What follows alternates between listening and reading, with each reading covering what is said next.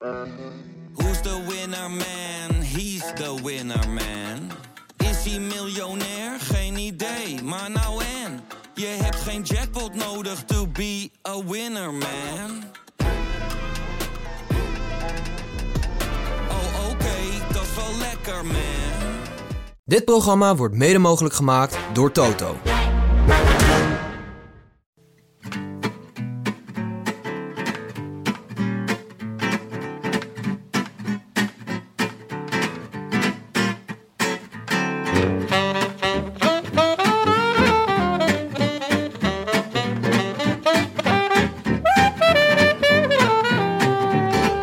Het is zondag 26 juli en live vanuit Wielercafé Het Verzetje is dit de Rode Lantaarn, de wielerpodcast van Het is Koers.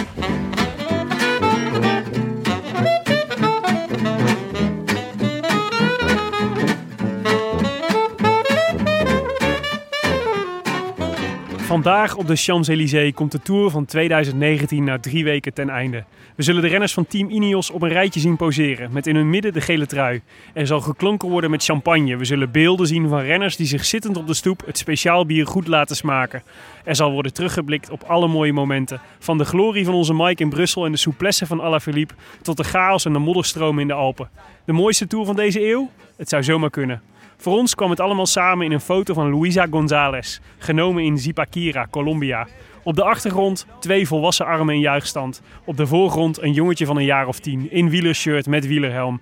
Dikke vreugdetranen biggelend over zijn wangen. En hetzelfde ongeloof in de ogen als bij de winnaar van de Tour. Nog een jaar of twaalf, dan zien we misschien ook hem terug. Vechtend op de flanken van de Mont Ventoux tegen een klein rossig manneke uit Nune. Dat eerst de trots van het dorp zag rijden en er vervolgens op uittrok met zijn neefjes om een Tour de France te rijden in de polder. Dankjewel Jumbo-Visdag. Merci Alaphilippe. Felicidades Dave Brailsford. We hebben non de jus genoten. Nog 160 meter. Wat een laatste kilometer. Vooruit. Vooruit. En alweer een hele grote denderende naam op de eerlijst van deze ronde van Frankrijk. Die hier toch wel een uh, knap sluitstuk krijgt. Het is te zeggen in de bergen.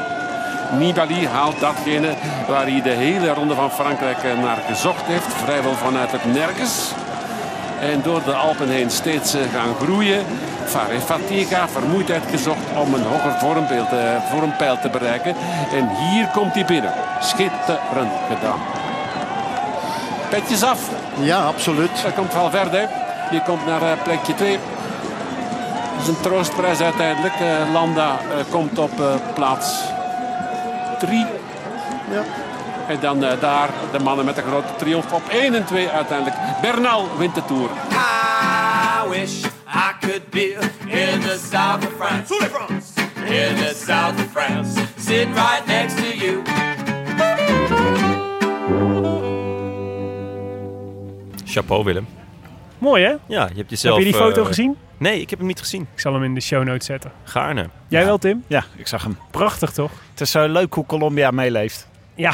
Tenminste, als je de berichten moet geloven. Want ze kunnen ook gewoon net die paar, die 15 verstokte wielerfans hebben gevonden. ja. Die dan symbool maken en, voor en de hele een, natie. En het ene jongetje heel hard hebben geknepen voordat hij op de foto moest. ja. misschien, misschien helde die wel omdat hij al die kleren aan moest. het zou, ja, het zou, het zou, ja, het zou zomaar kunnen. Hey jongens, we zitten hier uh, voor uh, de, de Parkbach van Café Pompet. Wielercafé Het Verzetje noemde jij het net al. Waar, we, waar de laatste etappe bezig is. Um, dus uh, we, we, hopen straks de, de, de, finish nog mee te kunnen pakken, maar we weten het niet zeker. Maar eigenlijk... Maar we dacht... gaan wel enorm doen alsof Groenewegen al gewonnen Ja, we heeft, gaan ervan uit dat Groenewegen deze etappe gewoon gaat winnen. Of dat Kruiswijk toch een verrassingsaanval plaatst in de en laatste paar kilometer. in het geel. Ja. Ja, ik heb ook Ja. op uh, pagina 4 van onze aantekeningen heb ik heel groot hoe dan geschreven. Ja. dus die verwacht ik wel te gaan gebruiken.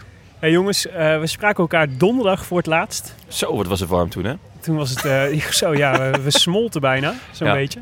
Hier uh, in hetzelfde Noorderpark. Uh, maar jeetje, het lijkt wel alsof we elkaar twee weken geleden pas voor, voor het laatst hebben gezien. Zoveel is er gebeurd in de tussentijd. Ja. eh, Onvoorstelbaar, wat een einde van deze tour. hadden jullie ook zoveel mensen die jullie appten?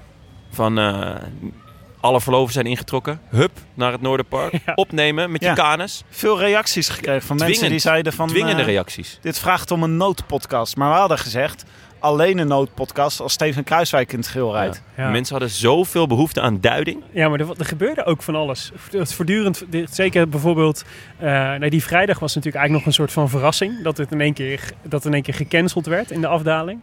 Maar die zaterdag was dan, dat, dat dan 's ochtends die geruchten kwamen. Misschien gaat deze etappe er helemaal uit. Wel, niet, wel, niet. Ja. Eh, Op een gegeven moment kwam er een, een tweet van Eurosport France. Die werd gedeeld. Ja, En die zeiden toen, ja, geen etappe. Terwijl Gouvenou zei van wel. mm, En eh, op een gegeven moment was wel een beetje de consensus. Er wordt in ieder geval gestart. En hoe lang de etappe gaat zijn, dat weet niemand. nee, misschien stoppen we 10 kilometer voor het einde. Heeft Ja. de Tour ooit meer op de Rode Lantaarn verrassingskoers geleken dan de laatste paar dagen? Ja, Ja, er waren wel echt veel mensen die daar ook naar refereerden. Ja. Van die verrassingskoers, die moeten wel echt komen. Want je Ja. ziet wat het resultaat is. Ik heb wel heel veel inspiratie opgedaan, laat ik het zo zeggen. Ik Ja. vond het jammer dat er geen orks aan te pas kwamen deze keer. Dat had prima gepast in de Ja, of een, eh, een, een, eh, een eh, vulkaanuitbarsting of zo met lava. Dat was eigenlijk het enige wat ik nog miste, lava.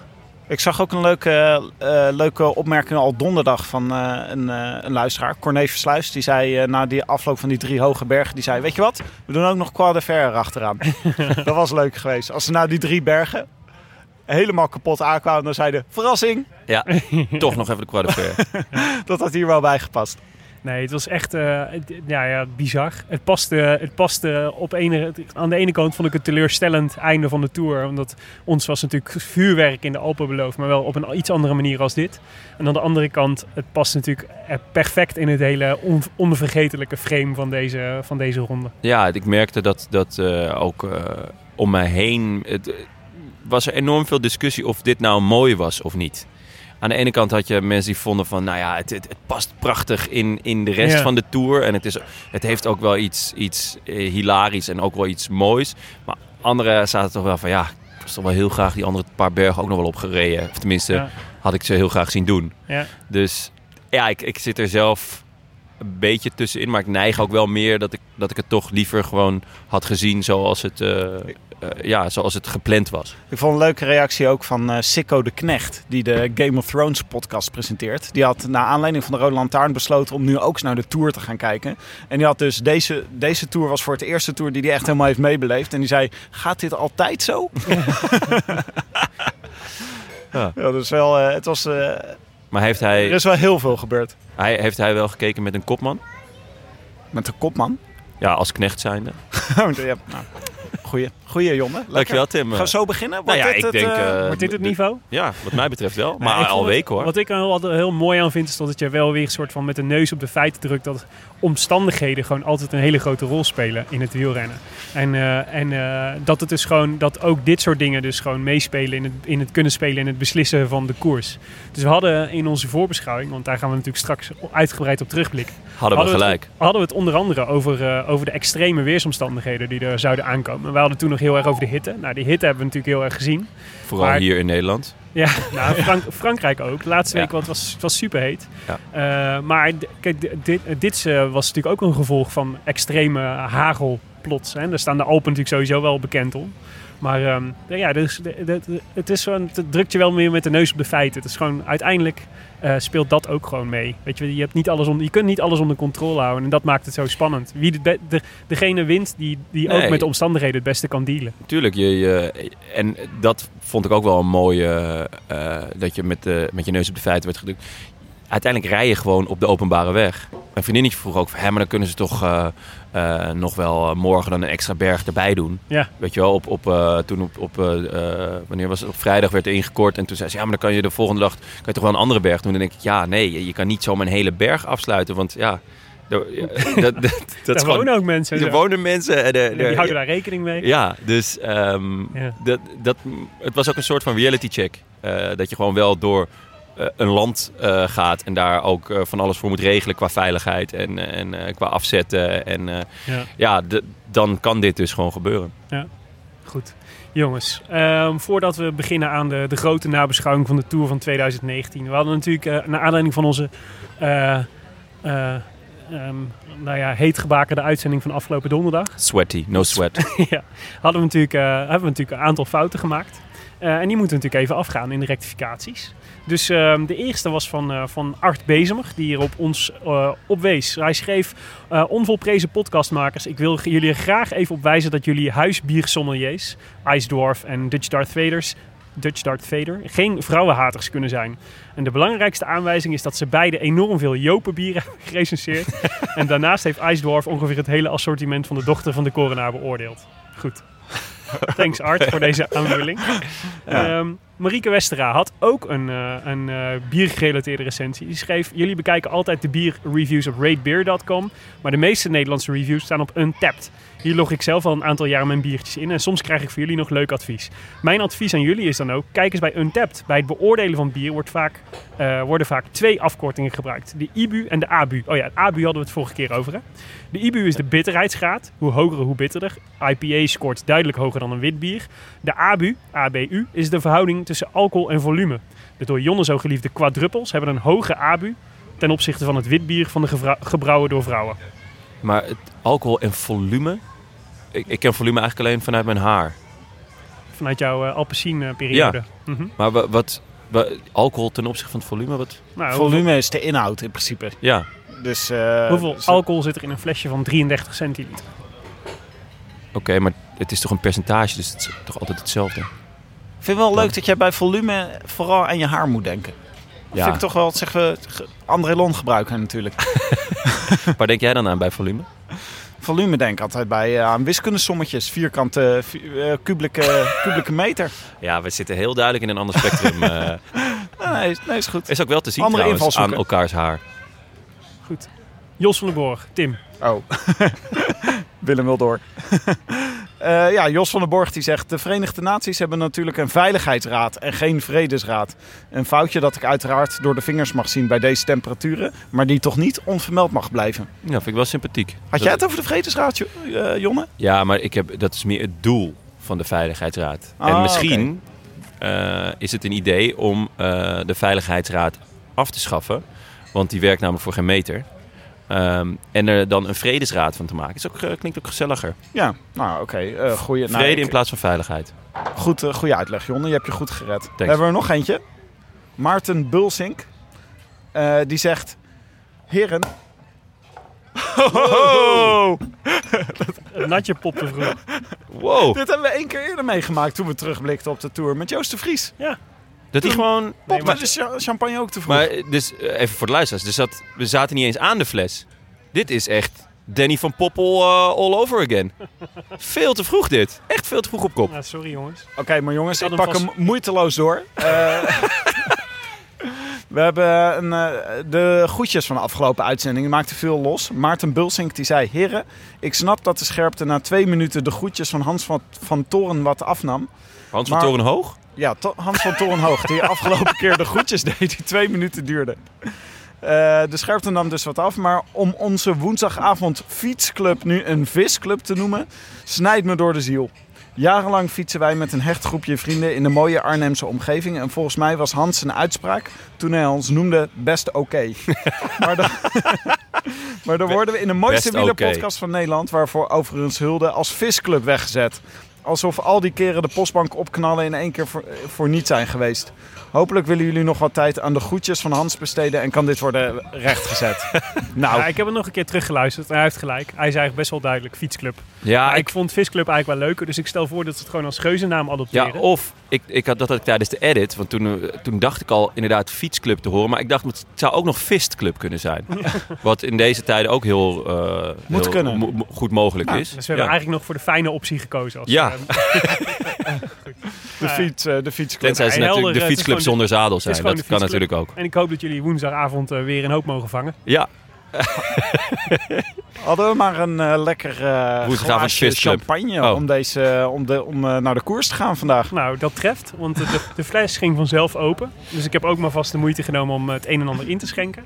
Ik dacht, eh, die, hij lag al een tijdje in de koelkast. En ik dacht, een zo'n mooie Tour de France kunnen we natuurlijk met niks anders afsluiten dan een, eh, ehm, een, een Bourgogne, een champagne uit de Bourgogne. En die mag geen champagne heten, maar die heet Cremant de Bourgogne.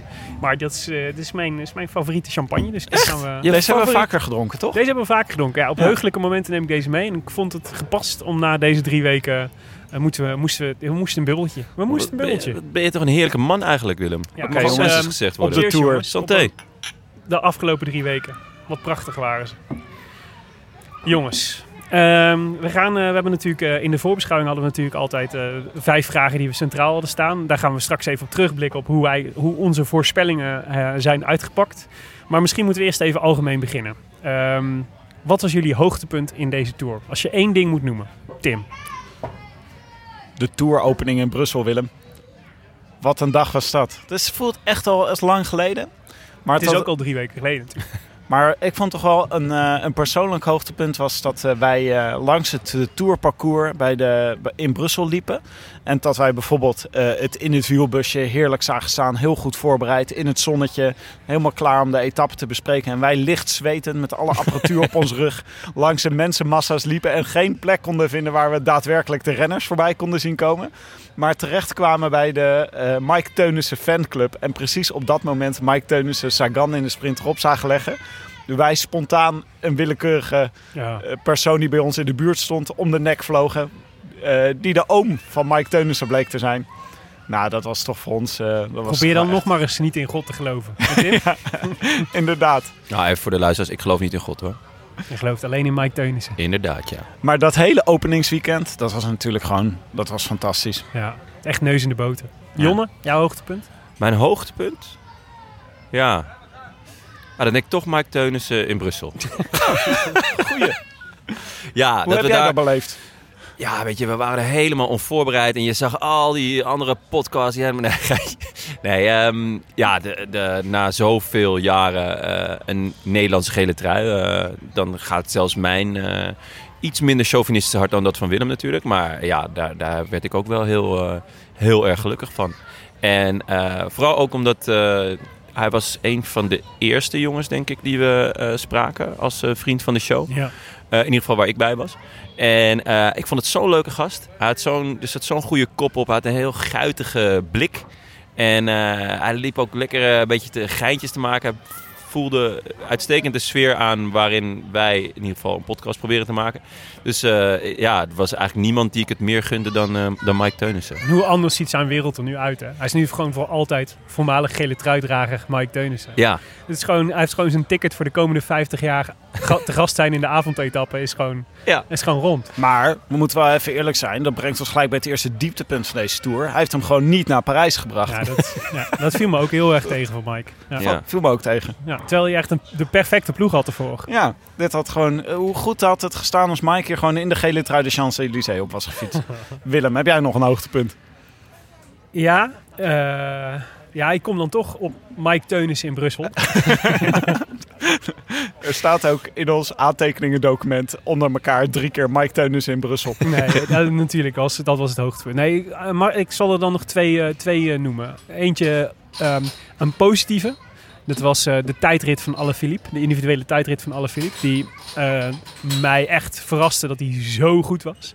En dan vooral het moment dat hij die laatste klim omhoog punchte. Eh, te midden van eh, nou ja, massa's Frans publiek die helemaal uit hun plaat gingen.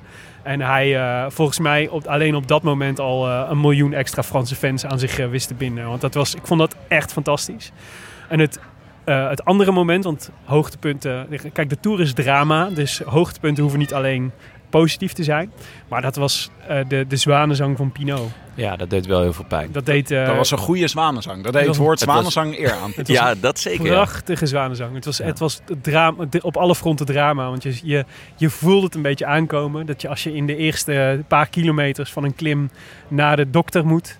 En die dokter die zo aan het klunzen was met, dat, met zo'n gek verbandje wat dan niet goed zat. En wat- waar die dan nog voor terugkwam. En, Ja. het was, en wat er toen vervolgens weer afgeknipt moest worden. Het was aan, op alle fronten was het... eh, en toen de tranen. En de omhelzing met William Bonnet.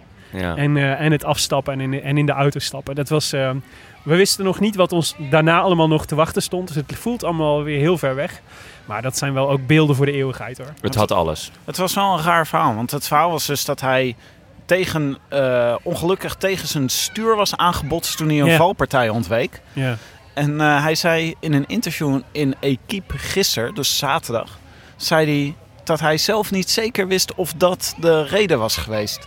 En dat vond ik toch wel. Hm. eh, dat ge- werpt toch wel veel vraagtekens op. Ja. Wat, er het dan, wat er dan Maar het is- precies gebeurt. Wat met er wel Pino. zeker is, is dat het een spierscheuring is, toch? Ja, ja, Dus het, eh, ja. Dat Daar- hij er niet mee door kon fietsen was wel, dat was evident. Ja, Ja. Dat, zag je, dat, zag je, dat zag je ook wel. Maar hij heeft de Ja, etappe niet donderdag nog uitgefietst. Ja. En toen eh, vrijdag kon hij ineens helemaal niks meer Maar heb je de beelden gezien van hem in, in zijn hotel? Ja, dat was niet hij, best. eh, dat hij, eh, hij kon amper lopen, joh. Hij, Ja. hij- bij alles, alles wat hij deed, vertrok, hij, vertrok Ja. zijn gezicht van de pijn. Dus nee, het maar ik denk dat het voor hem, want inderdaad Tim die, die, dat hij nu dat interview heeft gegeven. Ik denk dat het voor hem wel heel belangrijk dat het echt iets is. Ja. Kijk, hij is vorig jaar de Giro uitgegaan met uitdrogingsverschijnselen. Hij is toen eh, te diep gegaan in die etappe die Froome won, die fenomenale etappe. En het begint als hij niet oppast. Hij is mentaal al eerder eh, dat hij niet helemaal lekker zat. Eh, had hij daalangst. Ehm, het begint een beetje een terugkerend eh, fenomeen te worden als, als, als hij niet oppast. Dus, dus ehm, dat dit nu wel echt een medisch iets is, is denk ik wel voor zijn opsteker. eigen, ja, nou ja, voor zijn eigen gemoedsrust denk ik wel heel belangrijk. Als je, als je eh, de Tour aan het winnen bent en je bezwijkt onder de druk, Ja. eh, dan, ja, dan, dan kan ik me voorstellen dat je, dat je ook niet heel snel die Tour meer gaat winnen. Terwijl nu kan je nog denken, ja, eh, zonder die spierscheuring had, had ik iedereen een gort gereden. Want dat was wel gebeurd, jongens. Je was zo Godver de zeggen. godver. Tot dat, tot dat moment reed hij, eh, reed hij natuurlijk echt een fantastische Tour. En je weet niet hoe het in het laatste weekend was, was verlopen. Nou, dat weet ik wel hoor. En, eh, en blessures voorkomen hoort natuurlijk ook bij wielrennen. Nou, gaan we dit weer krijgen. De wet van Dudok. ja, dit Gaan we de wet van Dudok gelijk... eh, in, We gooien, we in gooien- de twintigste minuut gooi jij de wet van, van Dudok al. Ik probeerde, je, ik probeerde je, je, je, je gezicht te redden, jongen. De wet van Maar- Dudok, even voor de mensen die hem niet kennen, is natuurlijk... Als je de Tour wil winnen, moet je op je fiets blijven zitten. Ja, Ja. precies. En moet je ook niet gestoken worden in insecten. En moet je ook geen spierscheuringen oplopen. En moet je ook geen, eh, niet onder een aardverschuiving terechtkomen. dat zijn allemaal dingen waar je mee moet dealen. Ik vond wat dat betreft, qua dramatiek, was ook nog wel een hoogtepuntje de mysterie- het mysterieuze afstappen van Rowan Dennis één dag voor de tijdrit. Ja. Dat vond ik ook. Als je, als je op een, eh, met een klapper eruit wil gaan, dan eh, moet je het wel zo doen. Ja, ze gaan Ja, zijn vond je contract het- ontbinden. het een klapper? Het was meer een eh, leeglopende fietsband. ja, Ja, ze, ze praten over contractontbinding. ja, maar dit is toch gewoon de dramatiek ten top. Ik bedoel, dan ga je één dag voor je specialiteit, Ja. Stap je demonstratief af en wil je tegen niemand zeggen waarom. Mm, Zelfs niet tegen je ploegleiding. ja. Ik zit er ook eh, aan te denken om eh, vlak voor de Scorito-uitslag. Te de, de brui aan te geven en nooit meer Maar terug te eh, keren. qua Rowan Dennis en contractontbinding. Ik dacht meteen, eh, dat is leuk. Want eh, ik ken nog wel een ploeg die op zoek is naar een nieuwe klassementrenner. Team Sunweb? à la Du- Tom Dumoulin. Ja. Nou ja, ik, eh, we hebben het daar vorig jaar al wel eens over gehad. En ik denk dat dat een heel goede ploeg voor hem zou zijn. Eh, Sunweb, ja. maar dan gaat Wout Poels toch eh, kopman zijn? Ja, ja, maar dat, dat een sluit het ander toch niet uit. Ehm, ik, ik vind, zij hebben heel mooi Dumoulin begeleid van tijdrijder naar klassementsman. Eh, dus daar hebben ze ervaring mee. Eh, ze hebben ontzettend goed materiaal. Ehm, en, en tot voor kort ook eh, heel duidelijk een plan en goede begeleiding. Waarom zou Rowan Dennis daar niet eh, eh, kunnen floreren? Ja. Het schijnt Nou wel een gekkie te zijn. ja nou, dan En laat wat- ik zeggen, dat heeft hij, dat heeft hij in deze tour wel redelijk bevestigd. Wat dat betreft, ik, ik weet niet hoe goed ze met gekkies zijn bij, eh, bij Sunweb. Mm. Ehm, Het lijkt maar- me niet een hele gekkie-proven ploeg. Nee. Ze accepteren weinig fratsen. Als je Nee. Bargiel al een eh, vreemde vogel vindt die je, niet, eh, die je niet erbij kan houden, dan vraag ik me af hoe Nou, het... eh, daarover gesproken. Ja. Bargiel die zei vandaag, ik was, eh, als ik naar een andere ploeg eh, zou gaan, dan zou ik eh, liever teruggaan naar Sunweb Ja. dan een van de andere opties waarmee hij bedoelde Ineos, die hem graag wilde hebben. Maar hij blijft dus bij eh, Arkea Samsic. Wilde Ineos eh Bargiel hebben? Ja, die wilde hem graag hebben en eh, daar reageerde hij dus Ja, op. willen heel graag, sowieso, ze willen heel graag een Franse renner. Omdat zij, ze, zij maken zich heel erg zorgen, nog steeds. Dit jaar viel het heel erg mee, omdat Froome er niet bij was. Maar zij maken zich heel erg zorgen over hun imago in de grootste koers waar ze rijden. Dat ze voortdurend worden uitgefloten. En ze denken dat ze dat kunnen eh counter door een, eh, door een Franse renner. Ze hebben Kenny Elissonde natuurlijk, maar ook een Franse kopman te hebben. Oké. Dus, eh, dus ja, ik snap het wel dat ze hem, Ja. dat ze hem willen. Want zo, zo rijk gezaaid is het nou ook weer niet. Doen wij het in alle provincies goed? Ik, eh, moeten we een Fries of zo nog nou, we moeten een keer een toertje maken en dan kijken hoe het, er- hoe het, ja, hoe het erop uitkomt. Dat we op zoek gaan naar een Drent. Ze zijn wel altijd lelijk over Limburg, heb ik het idee. Nee, Ja, ik- helemaal niet. Nee, ik heb zelfs het gevoel dat we Limburg, daar komen we nog, dat noemen we nog regelmatig. Maar Drenthe wordt echt volledig genegeerd hier. En, we zijn, ja, Dat is wel we zijn, eh, en als we het doen, zijn we niet positief over Herbert Dijkstra. Ja, inderdaad. Is dat een trend? Dat is een trend. Nou, ja. dan zoeken we geen trend eh, voor de Rode Lantaarn. Nou, vooralsnog eh, doen we het redelijk, volgens mij. Goed, jongens. Ehm, ja, een tour vol hoogtepunt in een enkel dieptepunt. Maar ehm, wij hadden, ja, laten we misschien met de hamvraag beginnen. Wij, ik had jullie natuurlijk gevraagd om na te denken over wie de Tour de France eh, zou winnen. Eh, in onze voorbeschouwing hadden we ook Arjan Zoer nog, eh, nog die zat, zat erbij. En die heeft dus ook voorspellingen gedaan, dus die haal ik ook af en toe aan. Ehm, Tim, Jacob Voelsang. Jouw Oh, toerwinnaar. Wie wint de Tour de France? Ja. oh, Ja. daar springen we naar. Oh ja, sorry. Ja, ik, was, eh, ik ging nog even van waar kijken we het meeste naar uit? Dat was de eerste vraag die we beantwoord Ja, hadden. ja, dat is waar. Maar die, die- ja. Dit was de hamvraag. De hamvraag. Wie wint de Tour? Willem heeft honger. Ja, het is eh, wel eh, mooi dat eh, het, het wiskundige model van Arjen Zoer van tevoren voorspelde. Ehm Vogelsang, daar moet je geen rekening mee houden, want die doet het altijd slecht in de Tour. Nou, dat is eh, eens te meer gebleken. Hij was niet in Stond vorm. op de negende plek. Hij stond wel op de model. negen. Hij stond wel top 10. Ja, en op maar zich toen hij, hij- zei van, hij zei van, ja, dat is ook... eh, uit in het model kan je dus ook terugzien dat hij vaak is uitgevallen. Mhm. En dat is, eh, dat is natuurlijk... Dat- slechte Ja. track record als het Maar- gaat over grote rondes. Hè? In Ja, verdediging, ter verdediging van eh Zoer, op het moment dat hij uitviel, stond hij volgens mij achtste. Dus hij was wel... Ja, maar, dit is toch, maar Ja. dus het, eh, het ging om Tim's voorspelling, niet om Zoers voorspelling. Want die had het Zoer al, Arjan Zoer had het goed. Ja. Ja. Dus eh, Tim, verklaar je nader. Nee, de reden waarom ik dacht dat Vogelsanger deze Tour goed zou doen... is omdat Astana een heel goed seizoen rijdt... en veel beter dan andere Zeker, seizoenen daarvoor. En ik dacht, hij, rijdt heel erg, hij deed het heel erg goed in de Dauphiné. Heeft hij al een keer eerder gehad. En toen liep het slecht af in de Tour. Nou, dat gebeurde nu weer. Maar hij is twee keer gevallen. Hè? Dus eh, hij viel al heel vroeg. Maar En is daarna niet, eh, niet echt goed meer geweest. En is toen uiteindelijk uitgevallen. Ja, maar die jammer. tweede keer was wel zonder erg, hè, uiteindelijk. Schaafwonden, misschien Ja. een kneuzing of iets dergelijks. Maar ehm, Dat is dan altijd een beetje lullig, hè? Dat je dan afstapt en dan blijkt je niks te hebben. Dus ja, maar je kunt natuurlijk ook, heel- ik bedoel, je kunt natuurlijk ook, je kunt niet, hoeft niet per se je sleutelbeen te breken en, en of zware verwondingen te hebben. Maar als het genoeg kleine verwondingen zijn, dan absoluut. Dan kun je- nee, dan het, kun is je ook niet meer het is ook niet dat ik eh Jacob, Jacob Vogelsang een pussy of zo noem. Maar eh, het, ik, vond het, ik vond het wel opvallend. Hij, Maar nu we het erover hebben. Nee, nee, nee, maar Met alle eh, die- respect. Die, die, Nee, die valpartij die, die, die gebeurde, dat was met Kees Bol. En het was heel rap ineens van hij stapt af. Hij Ja. stapt af. Oh, hij doet zijn helm op- af, hij stapt af. Ik had ook niet het idee dat er al een, een dokter of een ambulance of zo aanwezig was. Dus ehm, misschien ook dat zijn moraal niet helemaal eh, up and running was. ja, dat En ja. eigenlijk, eh, want eh, we hebben het over Astana en hoe goed zij het doen. Ze hebben echt een kleurloze tour gereden. Voor. Zeker voor Astana's doen. Ja. We hebben het twee zat keer er geen, Lutsenko eh, gezien of zo. Ja, Lutsenko een en, en een keer eh, Magnus Kort Nielsen. Die dan trouwens wel met een gebroken pink wel door is gereden. Ja. Niet dat ik Vogelsang een pussy wil noemen, maar... eh, Maar, eh, nee. maar het zat maar- er geen seconde in voor eh Nou, Fuglsang Hij deze was natuurlijk de eerste die viel. Da, da- het is beetje- volgens mij eh, na, eh, nog voor Groenewegen, die eerste etappe naar Brussel, Ja. lag hij als eerste op zijn snuffert. En, eh, en dat bloed. zag er niet goed uit, want Nee. dat was gewoon hoofdwonden zijn natuurlijk altijd, zien er natuurlijk altijd dramatisch uit. Ja. Maar ik kan me heel goed voorstellen dat, dat, dat zulke dingen ervoor zorgen dat je nooit echt goed lekker in je ritme komt. Dan rij je eigenlijk drie weken lang achter de feiten aan. Ja. En dat was een beetje wat het gevoel bij Voelsang wel was natuurlijk. Ah, doet hij er niet goed aan om te zeggen van die, die koers van drie weken... Laat me hangen, ik richt me op één, eendagskoersen en een koers van een week. Ja. Hij heeft nog nooit beter gepresteerd. Hij is één keer 70 geworden in de Tour. En dat is zijn beste prestatie over drie weken. Ik denk dat het voor hem ehm, dat misschien. Ik denk dat sowieso meer renners dat zouden moeten, moeten doen. Dus niet iedereen, is een, niet iedereen is geboren voor drie weken. En misschien word je wel veel gelukkiger als je dat niet doet. Maar ik denk dat het wat voor hem. Want ik zie hem best presteren in een tour. Maar ik geloof dat, hij, dat het voor hem best lastig is om drie weken lang de enige kopman te zijn. Dus ik zou, het- ik zou hem, als hij het nog een keer doet, zou ik hem aanraden om een ploeg te zoeken waarin hij, du- waar hij een soort duo-kopmans kopmanschap kan hebben. Mobistar. Ja. ja, alleen ga je dan wel weer eh, met eh, vijf kopmannen. Ja, maar misschien is dat wel juist zijn forte. Ja, wie weet. Wie weet. Goed. Nee, hij is 34. Ik denk niet dat er Ja. nog een grote koerswijziging voor Jacob, Jacob Fuglsang in het vat zit. Dat denk ik eigenlijk ook niet. Goed. Oké. Jonne, ja, Thibaut Pinot hebben we het eigenlijk al een beetje over gehad.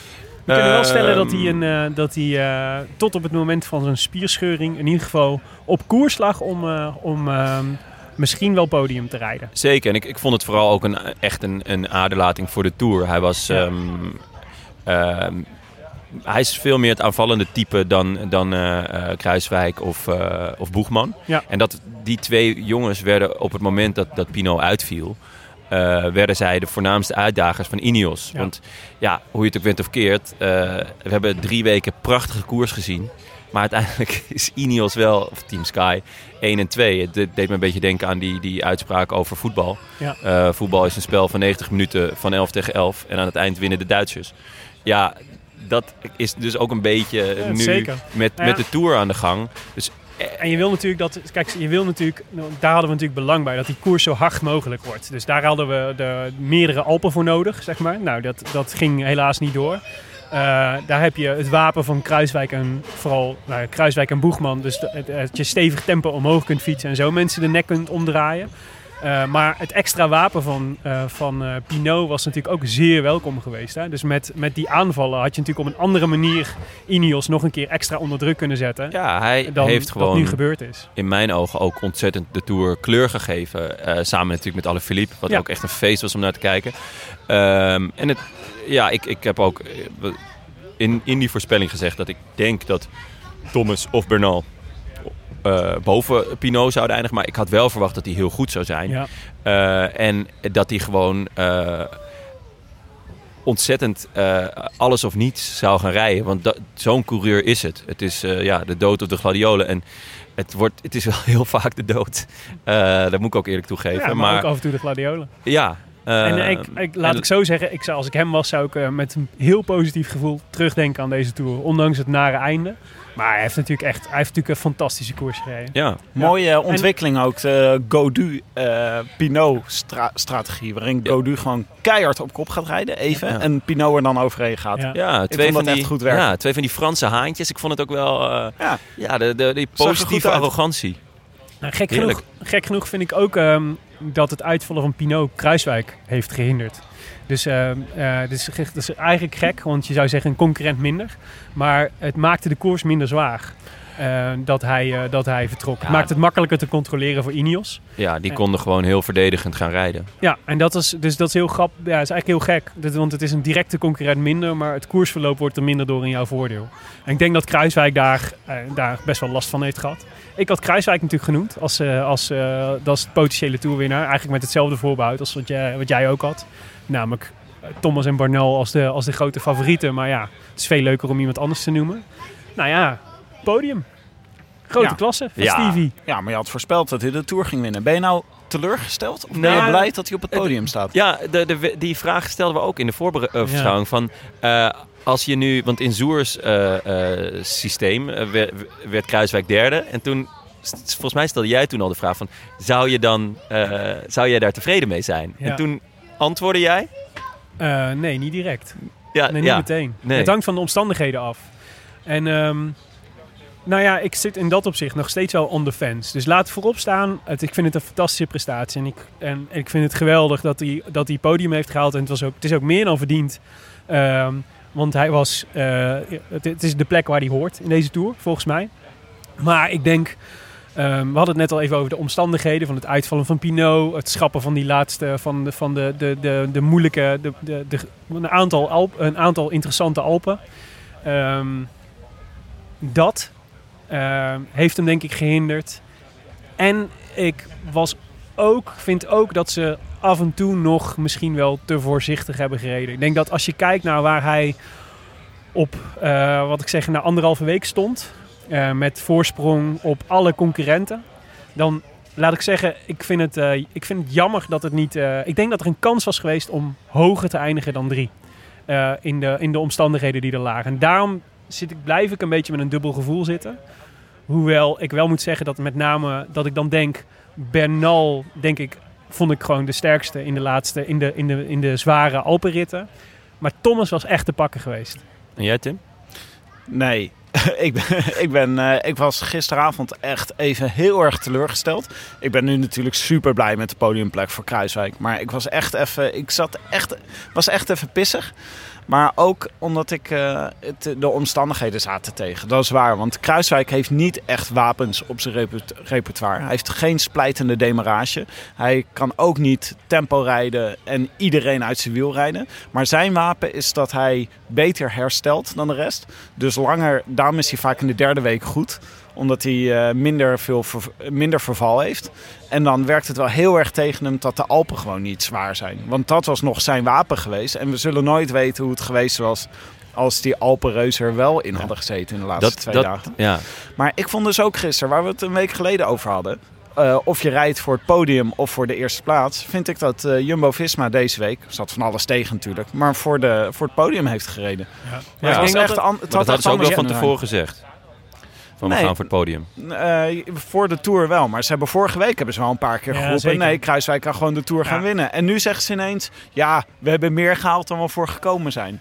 Dat, Ja, Nee, dan, we eh, hebben dat gehaald waar ook we wel. voor gekomen zijn. Nou ja, wel meer dan vier Nee. Kruiswijk, Nee, nee, ja. Kruiswijk zegt letterlijk... we hebben meer gekregen dan waar we voor gekomen zijn. Ja, maar ze, het, het doel was podium. Dat hebben ze van tevoren was, dat hebben ze gered. Je hebt gelijk halverwege de Tour zeiden ze... we, moeten, we, kunnen, hier, eh, we kunnen hier de Tour winnen. Stevie kan de Tour winnen. Daar hebben ze gelijk in. Maar jouw bijzinnetje is volgens mij belangrijker dan een bijzin. Namelijk de omstandigheden zaten wel echt tegen. Ja. Dus die, e- die etappe van vrijdag... ehm, ze deden eigenlijk alles goed, vond ik. Ja. Hè? Dus, eh, dus eh, tot op het moment van... eh, van Maar er had misschien nog iemand meegestuurd kunnen worden naar voren. Daar- misschien nog vroeger beginnen met... ja, nou daar kun je, daar kun je maar over twisten. maar die- het was zo kort. eh, da- dat je daar nog echt een gigantisch verschil kan maken is natuurlijk klein. Ja, maar het is. eh, dus, eh, dus ik blijf zitten met het gevoel. eh, in andere omstandigheden had er meer in gezeten, denk ik. Zelfs nog meer dan de derde plek. Maar het is gewoon. Het is natuurlijk groots en grote klasse. Ja. Maar het- En misschien Kruiswijk ook wel- staat op een paar seconden van Thomas. Hè? Echt, Ja. Dat scheelt echt niks. Nee. Dus snap ik echt niet waarom die niet op de laatste bergetappe... waarom Jumbo-Visma niet vol voor die tweede plek gaat. ja, hij, kon, niet- hij kon gewoon niet beter. Ja, ik denk dat het ook inderdaad eerder een, een, een kwestie is van kunnen of niet kunnen dan niet willen. Ja. Ehm, ook uit angst nog natuurlijk om op een counter te lopen van Boegman. Eh, want ja, als je die laatste paar kilometer aangaat, je hebt ook wel wat te verliezen natuurlijk met je podiumplek. Hij ging even aan, hè, Boegman. Ik, was, ik schrok even. Ja. Ik schrok even Ja. Mijn hart maakte een sprongetje. Ja. Ik wist niet dat hij meedeed. Ik zag hem ineens... eh, Ja. ik bedoel... Nee, ja, Maar- ook niet helemaal fair, want Boegman heeft echt een fantastische tour gereden. Alleen ja, wel een beetje in stealth, stealth modus. Ik, ehm, wat mij opviel deze tour, en dat was dat dacht, dit is echt iets van de, misschien wel van de afgelopen jaar, maar ik ben benieuwd hoe jullie daarover denken. Maar dat je eigenlijk, dus van tevoren bedenken wij dan, hè, Kruiswijk van traditioneel goed in de derde week, dus die, die slijt minder dan de rest. Ehm, maar wat je toch eigenlijk wel ziet, is dat in de laatste rondes die we hebben gezien, misschien van de laatste jaren zelfs wel, dat het eigenlijk niemand meer lukt om in die laatste week echt, echt nog een eh, groot verschil te maken.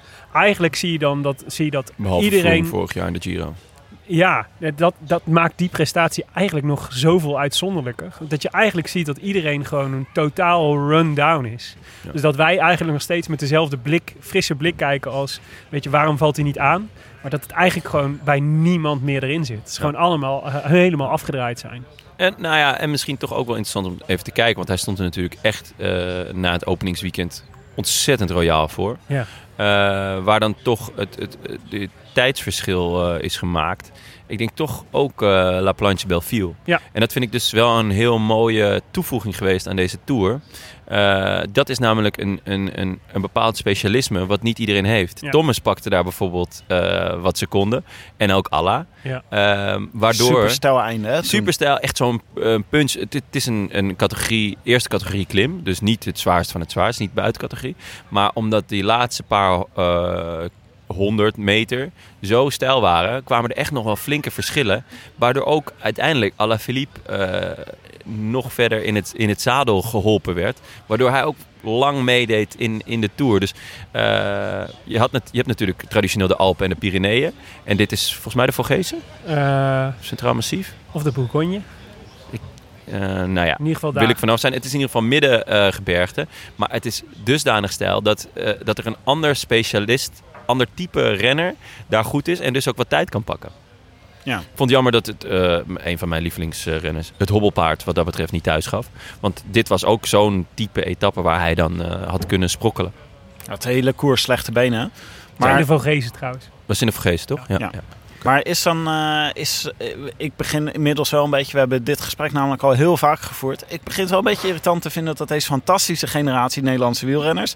allemaal geen wapen hebben om verschil te maken als het erop aankomt. En eh, dan denk ik toch... Kan je, zou je niet zoiets als explosiviteit... zou je dat niet kunnen trainen? Zou je niet kunnen zorgen dat, men- dat, dat je in ieder geval wel een demarrage kan proberen? Ja.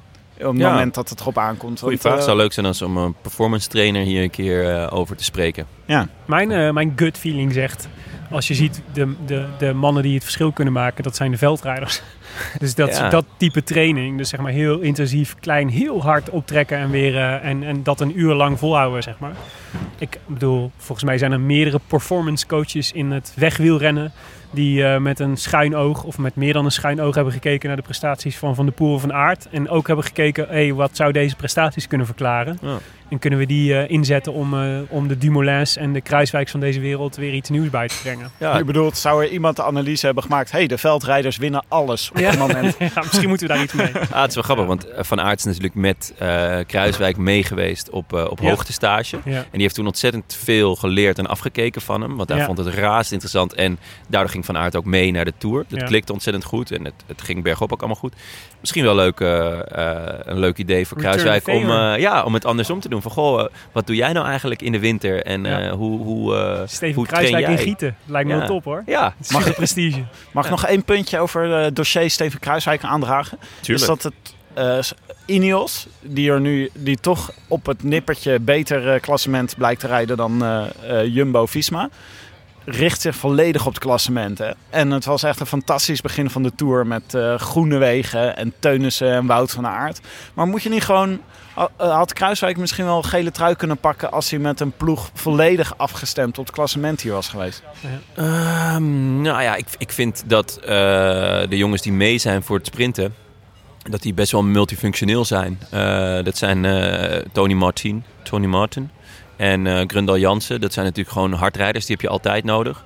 Eh Teunissen ook, die, die heeft natuurlijk ook enorm zijn waarde bewezen in de ehm ploegentijdrit. Ja. En En deed En- gisteren de lead-out.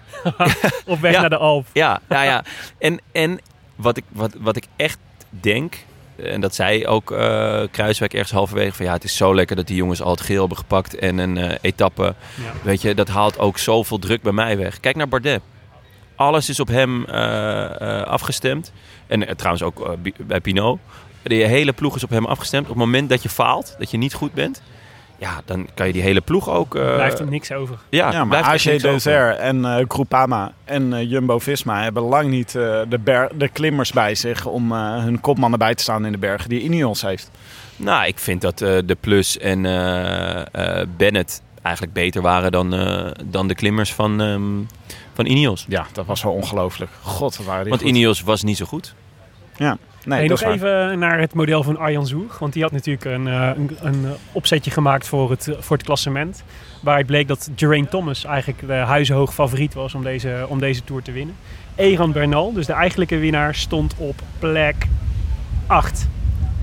Ehm, en, eh, maar in, in his defense, hij had al aangegeven dat het lastigste te vatten is in een model zijn jongens die heel weinig Grand Tours hebben gereden. Ja, en bovendien had hij eh, bij die achtste plaats had hij ook nog hem als knecht, Als knecht, aangeduid. ja. En als hij dat niet deed in het model, dan zou hij vierde worden. Nou ja, goed. Ehm, ja, ik, ik vond wel, ehm, want eh, Tim had volgens mij ook in de voorspelling gezegd dat hij eh, van Bardet heel weinig verwacht. En dat gold eigenlijk voor ons allemaal. Mhm. En die had hij wel heel hoog in zijn ehm, eh, model staan. ja. Evenals Adam Yates en Daniel Martin. Ja, Bardet stond vierde en eh, Yates eh, vijfde. Martin zesde. Ja, en dat zijn in mijn ogen ook wel de drie grootste faalhazen deze, deze Tour geweest. Ja. Nairo Ja. stond tweede over. Nairo stond tweede en dat vond ik ook al ontzettend hoog. Maar die heeft uiteindelijk wel nog de meubels gered door eh, met die prachtige bergrit die hij wint. waarbij hij ook nog dusdanig veel tijd pakt. dat hij ook weer is geklommen in het klassement. Want die etappe die werd ingekort, daar had hij heel erg mazzel. Want hij was toen al, eh, hij, hij zat toen nog, hij zat ver achter alle Philippe op dat moment. Hmm, Dus die had daar echt, echt minuten verloren. goed. Tim, de hegemoniale stabiliteitstheorie. ja, die, ja, die wilde ik net graag ook even afsnijden. daar, moeten we, daar moeten we het over hebben. Ik vraag me ten zeerste af, we hebben natuurlijk Pax Froome gehad, hè? jarenlang. En Mhm. Ja. ik voorspelde oorlog deze Tour omdat Pax Froome afgelopen is. Waarschijnlijk. En eh, we een nieuwe hegemoon gaan krijgen, maar nog niet duidelijk is wie het is. En in de politicologie zeggen we dan altijd oorlog. Nou, het was wel oorlog. Er stonden zoveel renners kort op elkaar zo lang. Zeker. zo'n groot gedeelte van de Tour. Ja. En we zijn echt... eh, we hebben zo'n WhatsApp-groep die de hele dag doorgaat. En we zijn echt van eh, favoriet naar favoriet geswitcht. Dag bij dag tijdens de Tour. Want op een gegeven moment was Bernal had een hele slechte tijdrit gereden. En toen hadden we het erover, is hij wel zo goed? Thomas moest op een gegeven moment lossen. En toen dachten we, dat wordt niks met Thomas. Eh, Kruiswijk stond er op een gegeven moment zo goed voor... dat we zeiden, nou, dat is de torenhoge favoriet voor de eindzege. Ja, ja, ja. Het ging echt van dag tot dag. nog- Dus die natuurlijk oorlog ook- is wel gekomen. Ja. Ja. Maar ik vraag me ten zeerste af of we nu naar eh, Pax Bernal gaan hoor.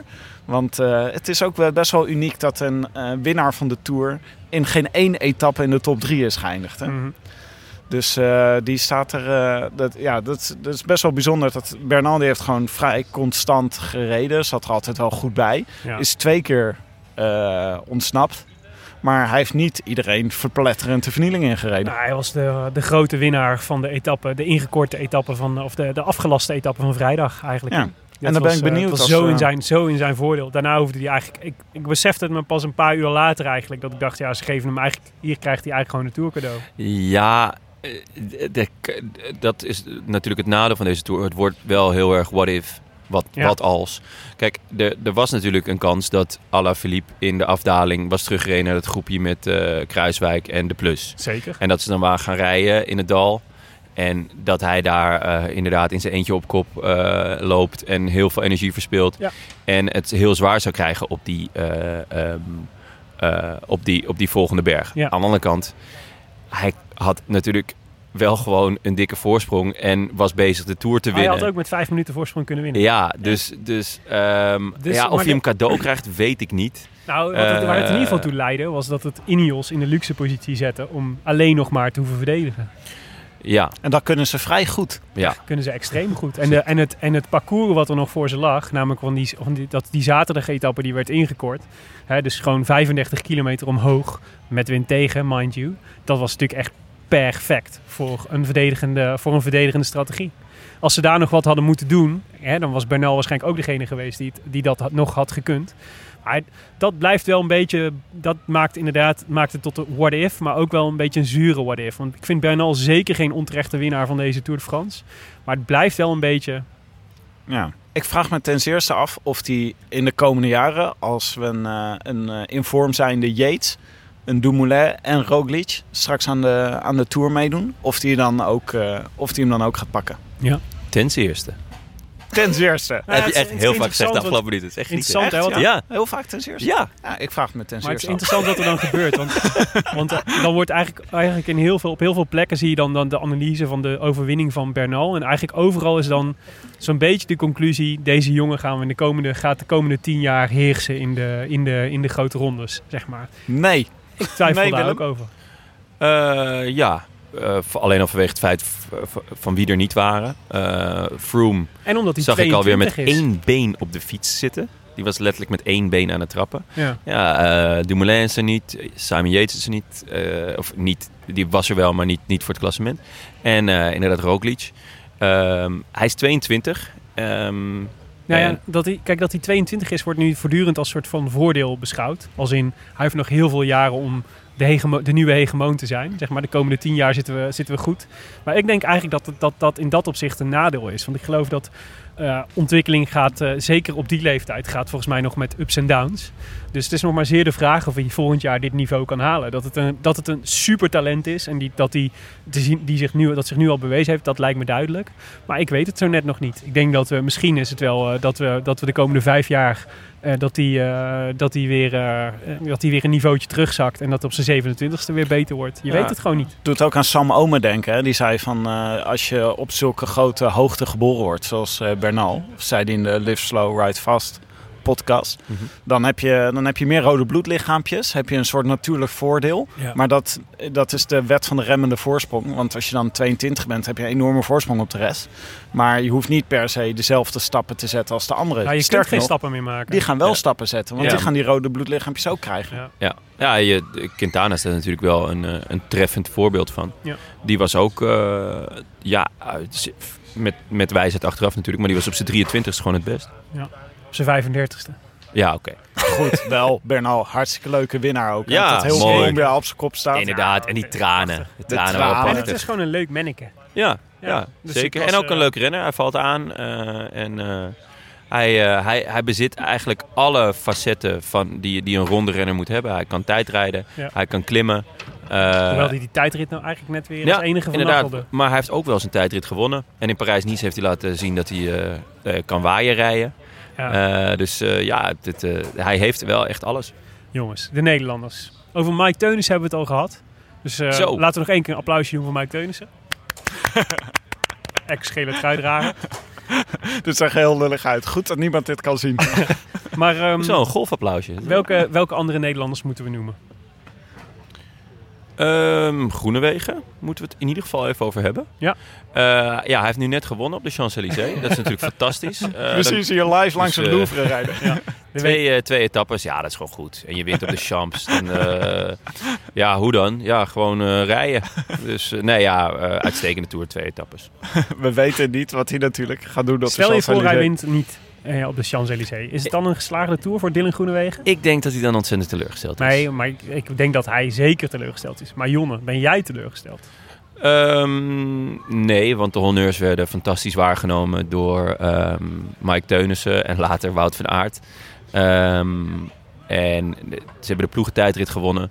Ehm, en hij is ook een paar keer gewoon wel op waarde geklopt. Eh, Ja. Kijk, als je, hij is natuurlijk gevallen, dat is balen. En die, die eerste etappe daarna die Viviani wint, Ja. die had hij normaal gesproken denk ik wel gewonnen. Maar Ewan is gewoon in bloedvorm. Ja. Dat was hij in de Giro al. Daar won hij twee etappes. Eén keer tweede ook nog. Indrukwekkende topsnelheid. Ja, eh, hij- er werd op een gegeven moment gedaan alsof hij alleen nog maar sprintjes die een beetje bergop liepen kon winnen. Maar hij heeft eh, gewoon laten zien dat hij, eh, dat hij eh, uitstekend ook vlakke sprintetappes kan winnen. En eh, nou ja, we gaan het zo meteen zien op de, op de Champs. Ik, vinden jullie dat, dat, dat hij met eentje teleurgesteld...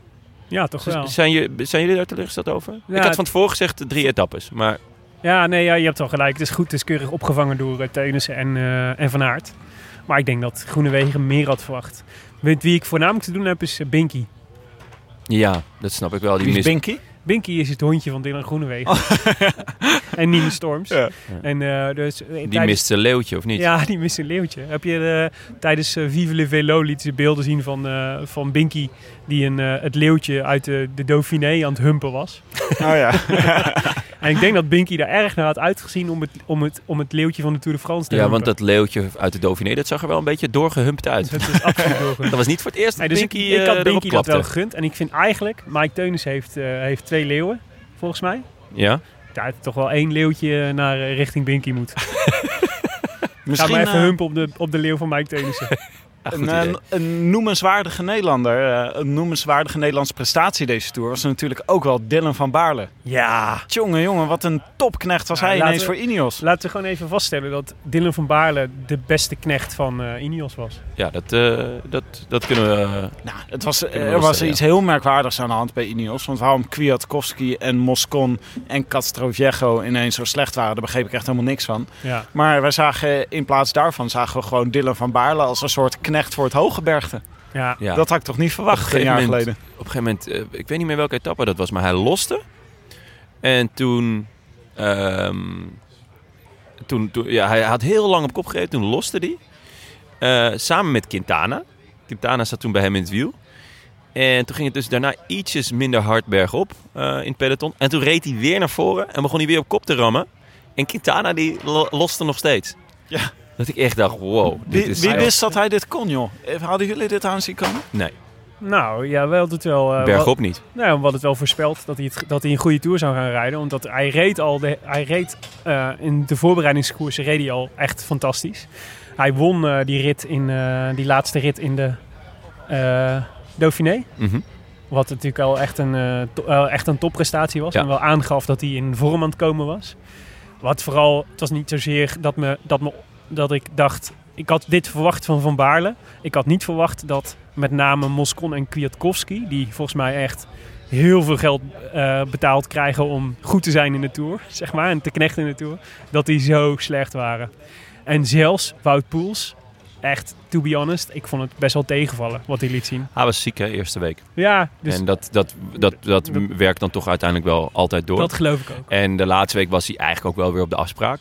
Maar hij Ja, was maar niet, niet zo, zo dominant als eh, als, als, als de voorgaande jaren. Dat Nee. klopt. Misschien wel op het moment dat ze hem nodig hadden, namelijk de etappe gisteren. Toen was hij wel weer heel erg goed. Ja.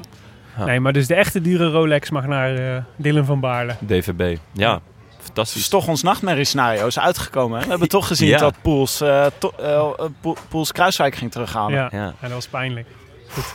En de enige Nederlander eh, die, eh, nou ja, ik, ehm, sowieso even eervolle vermelding voor Sebastian Langeveld, die de Rode Lantaarn won. Ja, dat is toch wel mooi hè. Speciaal voor ons. Speciaal voor ons. En ik eh, heb ook meteen de redactie aan de slag gezet om hem uit te nodigen voor een special. Tuurlijk. Want daar is- moeten, nu moeten we hem toch gewoon gaan spreken. Ja. Ja, ik ben wel benieuwd naar het moment waarop hij wist dat hij de Rode Lantaarn ging pakken. Wat er toen door hem heen ging. Zeker. Ehm, Oké, jongens, eh, de, laten we naar eh, de, de Scorito-prono's gaan. We hadden gevraagd aan eh, elk van ons om drie renners te noemen die we in onze Scorito-prono eh, zouden opnemen. Eh, waarvan minimaal één verrassing zeggen we dan al- altijd. Maar eigenlijk vinden we, eigenlijk moet het alle drie wel eh, niet, in ieder geval niet te geëikt. Je mag niet Egan Barnal zeggen. Dat nee, wel dat wel echt een goede was geweest. daar, dat was absoluut een goede geweest. Ja. Maar ehm, Tim, jouw, eh, jouw drie picks waren Guillaume Martin, Dylan Teuns en David Gaudu. Eh nou ja, Doe Guillaume zelf maar even de evaluatie. Nou, eh, Martin die zei van tevoren dat hij voor etappe-overwinningen ging. En hij was vorig jaar ge- geblesseerd in de Tour. Dus ik dacht, dit jaar gaat hij veel beter zijn. Bleek niet zo te zijn. Nou, ja. Ah, hij reed wel, hij wordt gewoon twaalfde. Ja, geen, geen aardige Tour. Dat is, dat is Ja, best, twintigste voor Wanty, in, of eh, twaalfde voor Wanty. dat is het, beste eh, tour ooit, eh, Tim. knap, hoor. Ik Ja, vond het ook echt een goede... eh, Je hebt gewoon drie goede picks gedaan. Maar ja, Dylan, eh, mag ook in de krant. Dylan Teuns eh, heeft natuurlijk die etappe-overwinning gepakt. Props voor Willem trouwens. Die zei dat dat ging gebeuren op de planche de. Ja. Ja, Als je op had gelet dat je dikke cash kunnen verdienen hier. ja. Ja, en ehm eh, Gaudu eh, had ik getipt voor de witte trui. Heeft hij ook een tijd in rondgereden. Uh, want eh, Bernal heeft ook eh, de gele trui. Maar hij is dus geen winnaar van de witte trui. Maar hij heeft wel, Hij is wel laten hoe geworden. goed hij was. Zeg. En hij is Ja, gewoon dertiende, geworden. geworden. Ja, ja. Dat is toch wel echt, eh, al- als knecht zijnde. Hij heeft, volgens mij heeft hij de eerste week heeft hij nog best wel wat tijd verloren. Ja, je kunt eh, dan zeggen, dit is heel goed voor een knecht. Je kunt ook zeggen, hij heeft zich niet goed genoeg laten uitzakken. het, is een beetje, het voelt een beetje Sam Omen in de Giro. zeg Ja, maar. ja nee, daar, daar valt altijd wel voor te- wat voor te zeggen. Ehm, maar bij een jonge renner vind ik ook wel dat je dit... eh, Ja. Want hij wordt natuurlijk echt wel klaargestoomd als eh, de next big thing in, eh, in Frankrijk. Ja. Eh, le grande next thing. Ik weet niet hoe je dat in het Frans zegt. La maar prochaine eh, eh, thing. eh, grande. grande. grande. La prochaine grande chose. Ah, zo, Willem. Nou ja, De laat maar. Laat maar. ja zeg. Zal ik het nog even in Russisch Nee, nee. doen anders? Want dat heb ik gestudeerd, hè? dat weet je toch? Nee, ehm, maar hij heeft eh, wel een vette tour gereden. Hij was wel jammerlijk slecht in de derde week. Ja. In de derde week zakte hij een beetje weg. Qua, toen zat hij de hele tijd zeg maar, in, het kopje achter, in het groepje achter de kopgroep. Ja. Dat is dan toch zonde. Hmm. Ja, ja dan, dat is dan misschien toch inderdaad dat eh Sam Oom, eh, Het is Sam Ome eh, dilemma. verhaal, Ja. Jonne, jouw evaluatie? Eh, van wie- Matthews, Herada en Patrick Conrad. Nou, Ja. bedankt Jonne. Nou, Matthews, eh, die heeft echt heel veel punten gepakt hoor. Vergis je niet. Die Ja. is, eh, volgens mij, wat, wat zag ik staan? Die staat in de top 10 van puntenpakkers. Had niet geoefend Ehm, op zijn sprint. Nee, opvallend vond ik dat. eh, Blijf ik opvallend vinden. Ik, ook sowieso een opvallende gang van zaken. Op een gegeven moment mocht Kees Bol dan sprinten. En de eerste keer vond hij dat nog wel prima. Want het was dan een helemaal vlakke aankomst. En dat was nog wel oké. Maar die tweede die keer daarna mocht hij niet sprinten. Want was het weer Kees Bol. En daar was, hij not al amused over. not amused over. Nou ja, dat, dat zijn wel tekenen aan de wand. Dat het toch niet helemaal lekker zit in die ploeg. En toen verlengde hij zijn contract. Ja, ja, Ja, dat, nou ja, dat is dan wel weer... rollercoaster eh, dit. ja, en dan denk ik van, nou, maak dan in ieder geval wel afspraken over welke eh, grote tour je volgend jaar gaat, of welke grote ronde je gaat rijden. Ja. En in welke vorm dat dan gaat zijn. Maar ehm, ja, hij, hij heeft niet een goede tour gereden, denk ik. Wel veel punten. Hij heeft echt gesprokkeld. Maar niet een heel goede, goede tour. Maar ik denk dat het voor eh Scorito, want daar was hij 3 miljoen. eh, en staat hij gewoon bij de 10 beste puntenscorers. Ja, dan doe je het gewoon goed. ik denk het Ehm, ook. Herada, nou ja, zeldzame zak hooi. Eh, Onvoorstelbaar, hè? Want dat is de, ik heb hem op zoveel plekken teruggezien als soort eh, de Ja, en weet je- interessante, maar weet je hoe dat interessante kwam? Hij heeft die Mont Ventoux Challenge gewonnen. Ja. En weet je van wie die daar won? ja, van Bardet, toch? Inderdaad. Ja. En achteraf gezien was dat niet omdat Herada nou zo goed was. maar gewoon omdat Bardet hopeloos het vorm was. Ja. Dus eh, ja, dat, is, dat kon ik ook niet weten natuurlijk. Ehm, Patrick Conrad had ik. Die was Ja. namelijk, want ik kijk in tegenstelling tot jullie, kijk ik altijd naar de prijs-kwaliteit verhouding. En eh, Patrick Conrad was, was Een miljoen. een miljoentje. Ja. Eh, net zoals Herade, die was 5 ton. En Conrad heeft een beetje pech gehad. Die is gevallen. Ehm, en is daardoor ook eh, een keer eh, zo tussen wal en schip geraakt. Ehm, en daardoor heeft hij eigenlijk een hele kleurloze tour gereden. Ja, dat is, dat is waar. Maar het is ook een deel van het verhaal.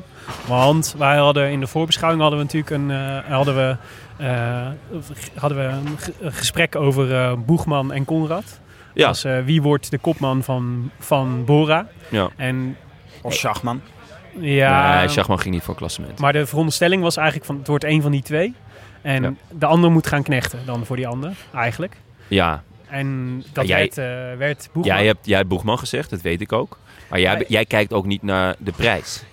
Kijk, Boegman was wel twee keer zo duur. Twee en maak, maak even was Boegman dan af, twee keer zo goed? Want je zei van, heeft hij Conrad er Nou, wel was wel meer dan twee keer zo goed. Conrad was namelijk echt heel beroerd. Want eh, wat het jammere was, is dat Conrad uiteindelijk had een hele goede knecht kunnen zijn voor, eh, voor Boegman. Maar eigenlijk was Mühlberger de beste, de beste knecht van, eh, van, eh, van Boegman nog. Ja, klopt. Maar nogmaals, in, in, ter verdediging van Conrad, hij is gevallen. Ja, en eh, als je valt, eh, dan heb je geen vrienden, maar heel veel pijn. Ja. Eh, en ja, dus, maar Boegman absoluut.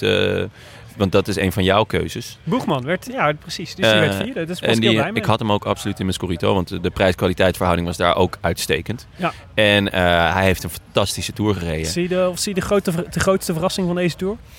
Nou, voor mij wel dat hij het drie weken vol kan houden. Want ja, eh, ja, daar twijfelden we over. Hè? Daar twijfelde ik over. Eh, Hij leek hem namelijk een beetje het Vogelsang-syndroom te hebben. Goed in rondes van een week. Maar eh, elke keer als het dan drie weken werd, dan zag je hem in die laatste week wegzakken buiten de top 10. Elke keer eraan bungelen. En nu, hij rijdt gewoon met de beste naar boven. Dus Ja, wat Ehm, mijn, eh, dus ik denk dat hij nog beter kan dan dit. Hij is hij is natuurlijk nog jong. 26. Maar ehm, een beetje Tim, Tim's analyse. Hij heeft niet echt een, echt een wapen om te winnen. Ehm, ja. Echt een generalist. ja, aan de andere kant, hij heeft ook wel veel... eh, in, de, in de koers van een week heeft hij ook wel eh, af en toe aangevallen. Dus, je kan wel aanvallen. ehm, Maar er zijn natuurlijk is een Grand is- Tour. Als, als het niveau super hoog is, moet je iets exceptioneel goed kunnen. Ja. En dat kan hij natuurlijk niet.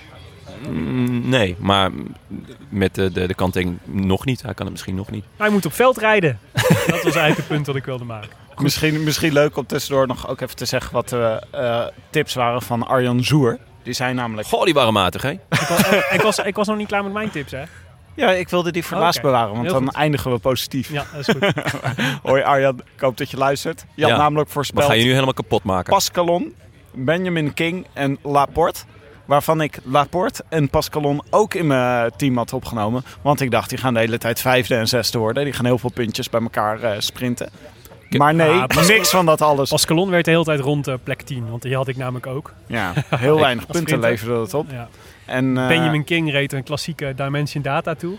En kwam er... eh, Deed Dimension Data mee? nee, ja, dit, eh, ik heb ze twee keer gezien. Ze, hebben die een betere of slechtere tour gereden dan Total Energie? Van wie jij in de voorbeschouwing zei dat, het, dat ze een leuke ploeg hadden. Ja, Eh, Total Ja, eh, één keer top 10 gereden deze tour. ja, maar pech met Terpstra. hè. ja, pech. Nee, eh, ja, nee, dat waren, nee laat maar in, in Arjan's defense, hij had, eh, hij had natuurlijk gewoon namen die wij ook al hadden. Dus hij moest op sprong drie nieuwe namen bedenken. En dat waren deze drie, En dan kom je hiermee. Nou Arjan, kennelijk. dit was eens maar nooit weer. Ik had, eh ik had Ties Benoot nog extra. Die heeft wel een leuke tour gereden. hele leuke tour. Een goede tour gereden volgens mij. Eh, jammer eh, dat het niet beloond werd met, eh, met nou ja, blik, Winst. zoals roeiers zeggen. Ja. Maar eh, ja, voor 750.000 hè, vond ik het een koopje. Ah ja, prima. Ties.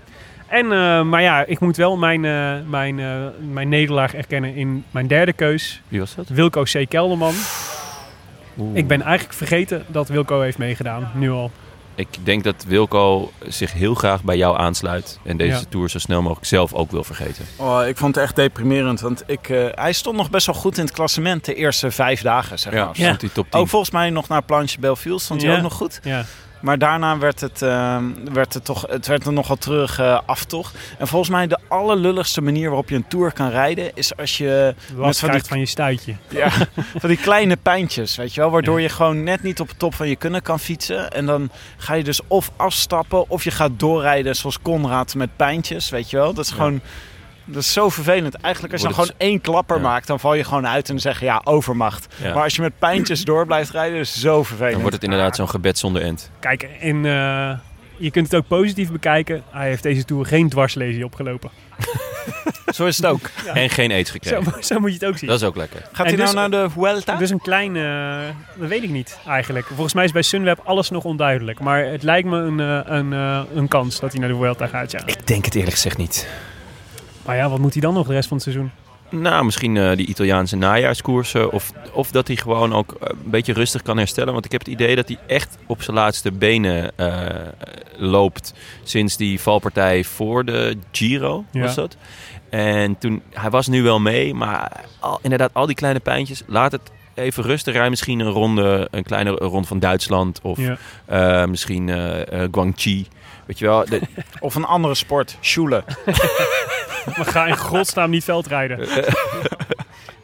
Nee, ik, ik, denk, ik de- denk dat het voor hem veel slimmer is om, om de Vuelta eh, links te laten liggen. Hm, Oké. Eh, eentje die mensen er zeker uit moesten houden. Hadden we natuurlijk ook nog, die categorie. Oh ja, dat was mijn finest hour. Mag ik even? Ja, ja, zeker. Ja, ja, ja. Tim, Romain Bardet. Goed Romain gezien, Bardet. jongen. Uit vorm. Ja. Nou ja, het- we hadden een interessante discussie. Want als je gewoon kijkt naar zijn resultaten en hoe die meerijdt in het hoge bergte, Ja. dan is hij eigenlijk steeds beter gaan rijden. ja, en hoe het parcours voor hem was aangelegd. En het parcours was werkelijk, was nog net niet door zijn woonkamer Het stond nog net niet Romain Bardet in, in asfalt door Frankrijk geschreven. maar En nou hij was- rijdt hij dus in een integraal bolletjespak rijdt hij door Parijs. Zelfs het- zijn broekje heeft, heeft bolletjes. Het ziet er zo lullig uit altijd. Ja. Maar, dit is denk ik zijn echt... resultaten werden toch juist niet beter de laatste jaar. Hij werd volgens mij twee keer tweede. Jawel, hij werd- En de- toen werd hij zesde en daarna werd hij achtste. Volgens het model van Arjan Zoer eh, ging die, eh, was hij, sta- zel- was hij eh, constant gebleven en zelfs iets beter gaan klimmen. Ja, ik ben de laatste om, er, eh, om eh, iemand in de rug te steken op het moment dat hij niet is. Maar volgens mij zit het eh, model van Arjen Soer hier er echt eh, misselijk naast. Maar goed, dat eh, kan me Laten we in ieder geval constateren dat Bardet het, eh, het eh, niet waarmaakte. En dat ik het zelfs eerlijk gezegd een tikkie potsierlijk vond. Dat hij, eh, hij is volgens mij één keer als eerste boven gekomen op een berg. En hij heeft eigenlijk de bolletjestrui gewonnen doordat het laatste weekend zo'n beetje integraal werd afgelast. Ja. Ik vind, ik bedoel, ik vind het prima dat je het viert, maar laten we het een beetje bescheiden houden. Waarom hè? Ja, dat sowieso. Want eh, eh, ja, hij heeft heel weinig punten gehaald eigenlijk. Hij is één keer eh, bergop echt goed geweest in die ontsnapping. Ja. Maar een, om nog niet om, om dat model helemaal onderuit te halen. Maar hij wordt, hij wordt tweede in de, in de Tour van 2016. Hij wordt derde in de Tour van 2017. En in 2018 wordt hij zesde. Dan zit er toch niet per se een, een, een stijgende lijn in? Of ben ik gek? lijkt een dalende lijn te zijn. En, en, maar het heeft eh, te maken met resultaten in een heleboel verschillende koersen. En in de tours. En hoe die dan... Ja. oh, hoe, vergelijkbare parcoursen rijdt. Ja. Ah, zo. Ja, dus daar het, mode, het wiskundig model houdt met heel veel dingen rekening. Maar toch een ontzettend teleurstellende koers. Van Nairo. hadden jullie? Nairo, ja. Nou ja, eh, ik vind dat ik daar wel gelijk in he- heb. Ten eerste... ja, goed eh, criterium. Nou ja, kom op. Eh, van Quintana wordt toch gewoon al jaren gezegd... hij gaat de Tour winnen. Eh, het is al jaren niks. Ehm, hij leek dit jaar met een, met een podiumplek volgens mij in Parijs-Nice... dat, het, dat het wel weer ergens op ging lijken. Dat het in ieder geval het voorseizoen goed was. Maar ehm, eigenlijk valt, doet hij een, een, een prachtige solo. Dat moet, dat moet gezegd worden. Eh, maar hij doet dat wel vanaf een dertiende plek.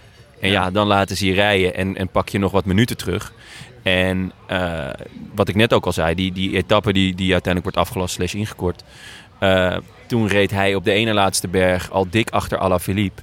Hij had daar minuten verloren. Zo, misschien nog wel meer. Ik bedoel, voor hetzelfde geld komt hij daar in de bus terecht. En verliest hij een half uur. En komt hij niet in de top 10. Eh, hij verliest nu uiteindelijk 2,5 minuut. Ehm, Eh, Ja, terwijl hij kon, hij kon dus gewoon te vaak de grote mannen niet volgen. Ja. En de communicatie binnen zijn ploeg, ook van hemzelf, is ve- zo ver beneden peil... dat zijn ploeg op kop rijdt, terwijl hij eraf gaat. En hij kan niet eens even zeggen van... hé hey jongens, eh, liever niet momenteel. Het levert wel, wel eh, veel plezier op. Ja, zeker voor ons. Het is wel... eh, God, het moet hem toch wel steken dat nu eh, Egan Bernal de eerste Colombiaanse toerwinnaar is. Ja, ik, ik, Ik denk dat het zijn, eh, zijn, zijn marktwaarde in Colombia wel eh, stevig doet kelderen, deze gebeurtenis. Hey, wel vette tour op zich, toch? Van Quintana. In de zin van dat hij een soort Vin- Vinokourov is geworden. Totaal onbegrijpelijke strategie. Eh, aanvallen op het moment dat je eigenlijk niet meer mee kan. En eh, ehm, prachtige, toch een eh, etappe winnen eh, met een prachtige ontsnapping. Het is gewoon een raadsel wat hij deze tour allemaal heeft heeft in ieder gedaan. geval met zijn etappe de Tour van Mobistar gered. Ja, maar we zijn al Eh, vergeten ja. dat hij twee weken geleden dat hij zo'n etappe had waarin hij zijn ploeg op kop zette. En eh, niet tegen zijn ploeggenoten had verteld Ja. dat hij slechte benen had. Nee, maar dit- ja, dat, dat, dat zei ik net. Ja, dat, dat is natuurlijk gewoon heel raar. En ik, ik vraag me dan ook af ehm, hoe ze daarbij Arkea Samsic eh over denken. Van, oké, we kopen iemand die, die ehm, elk jaar dan wel, net zoals vorig jaar deed hij dat ook al, reed hij ook eigenlijk geen goed klassement. Dan won hij toch een etappe. En won hij een etappe ook omdat mensen hem dan laten rijden. En dan kan hij dus één dag heel goed klimmen. Eh, maar blijkbaar is zijn recuperatie toch niet goed genoeg. Want ehm, die etappe die, die, die hij dit jaar wint, rijdt hij een minuut sneller die berg op dan, eh, de, dan de grote mannen in het peloton. Ja. En dan denk je van wow, oké, misschien is hij wel echt terug. Ja. En dan de volgende dag, ja hoor, ene laatste berg. Wie, eh, wie bungelt er aan het staartje? Opa Nairo. Opa Nairo. Arjan Soer had, eh, Jacob, had ons gewaarschuwd om, eh, voor Jacob Voelsang. Ja. Terecht. Wat heel goed bleek. Ja. En ik had eh, Richie Porter opgeschreven. Als, eh, als degene die je niet in je tourpool moest, Ja. moest nemen. Elfde. Ja, wat ik eh, veelzeggend vond voor... eh, nou ja, de, de analyse was natuurlijk... eh A, de kans dat hij valt is heel groot. Nou, het is hem gelukt om op zijn gelukt. fiets te blijven. Nou, hij is, eh, in de elfde etappe is hij gevallen. Hè? Dus Ja, hij is al eh, Ja, zonder erg. Zonder erg. Zonder Ja. erg. op zijn hoofd. Ik weet niet. Maar zonder heel erg. Hij mocht, kon hem gewoon uitrijden in ieder geval. Dat is niks voor Richie, normaal gesproken. nee, inderdaad. Het is net, hij had geen gebroken nekwervels dit keer. Nee, maar de analyse was natuurlijk... eh, zelfs al rijdt hij, hem, eh, rijdt hij hem uit en zonder val... de kans dat hij eh, eh, hoog eindigt in het klassement is natuurlijk vrij klein. Want je ziet gewoon dat zijn prestaties afnemen. Hij is nu 34. Het wordt elk jaar een tikkie minder. Dus eh, nou ja, als hij, als hij wel op zijn fiets blijft... zelfs dan gaat hij het niet, eh, gaat hij het niet redden. En eigenlijk vond ik heel veelzeggend voor Porte... was dat hij op, eh, op de slotdag, of de ene laatste dag voor, eh, voor... Dus gisteren, zaterdag, de etappe van zaterdag... uit de top 10 kukelde en Ja. elfde werd. En flink ook. Hij verliest Ja. gewoon een minuut of vijf. Ja, dat is pijnlijk. Hij, ja, als enige ook eh, verliest hij die laatste dag nog, een, eh, nog zijn plek eh, als enige van de, van de toppers.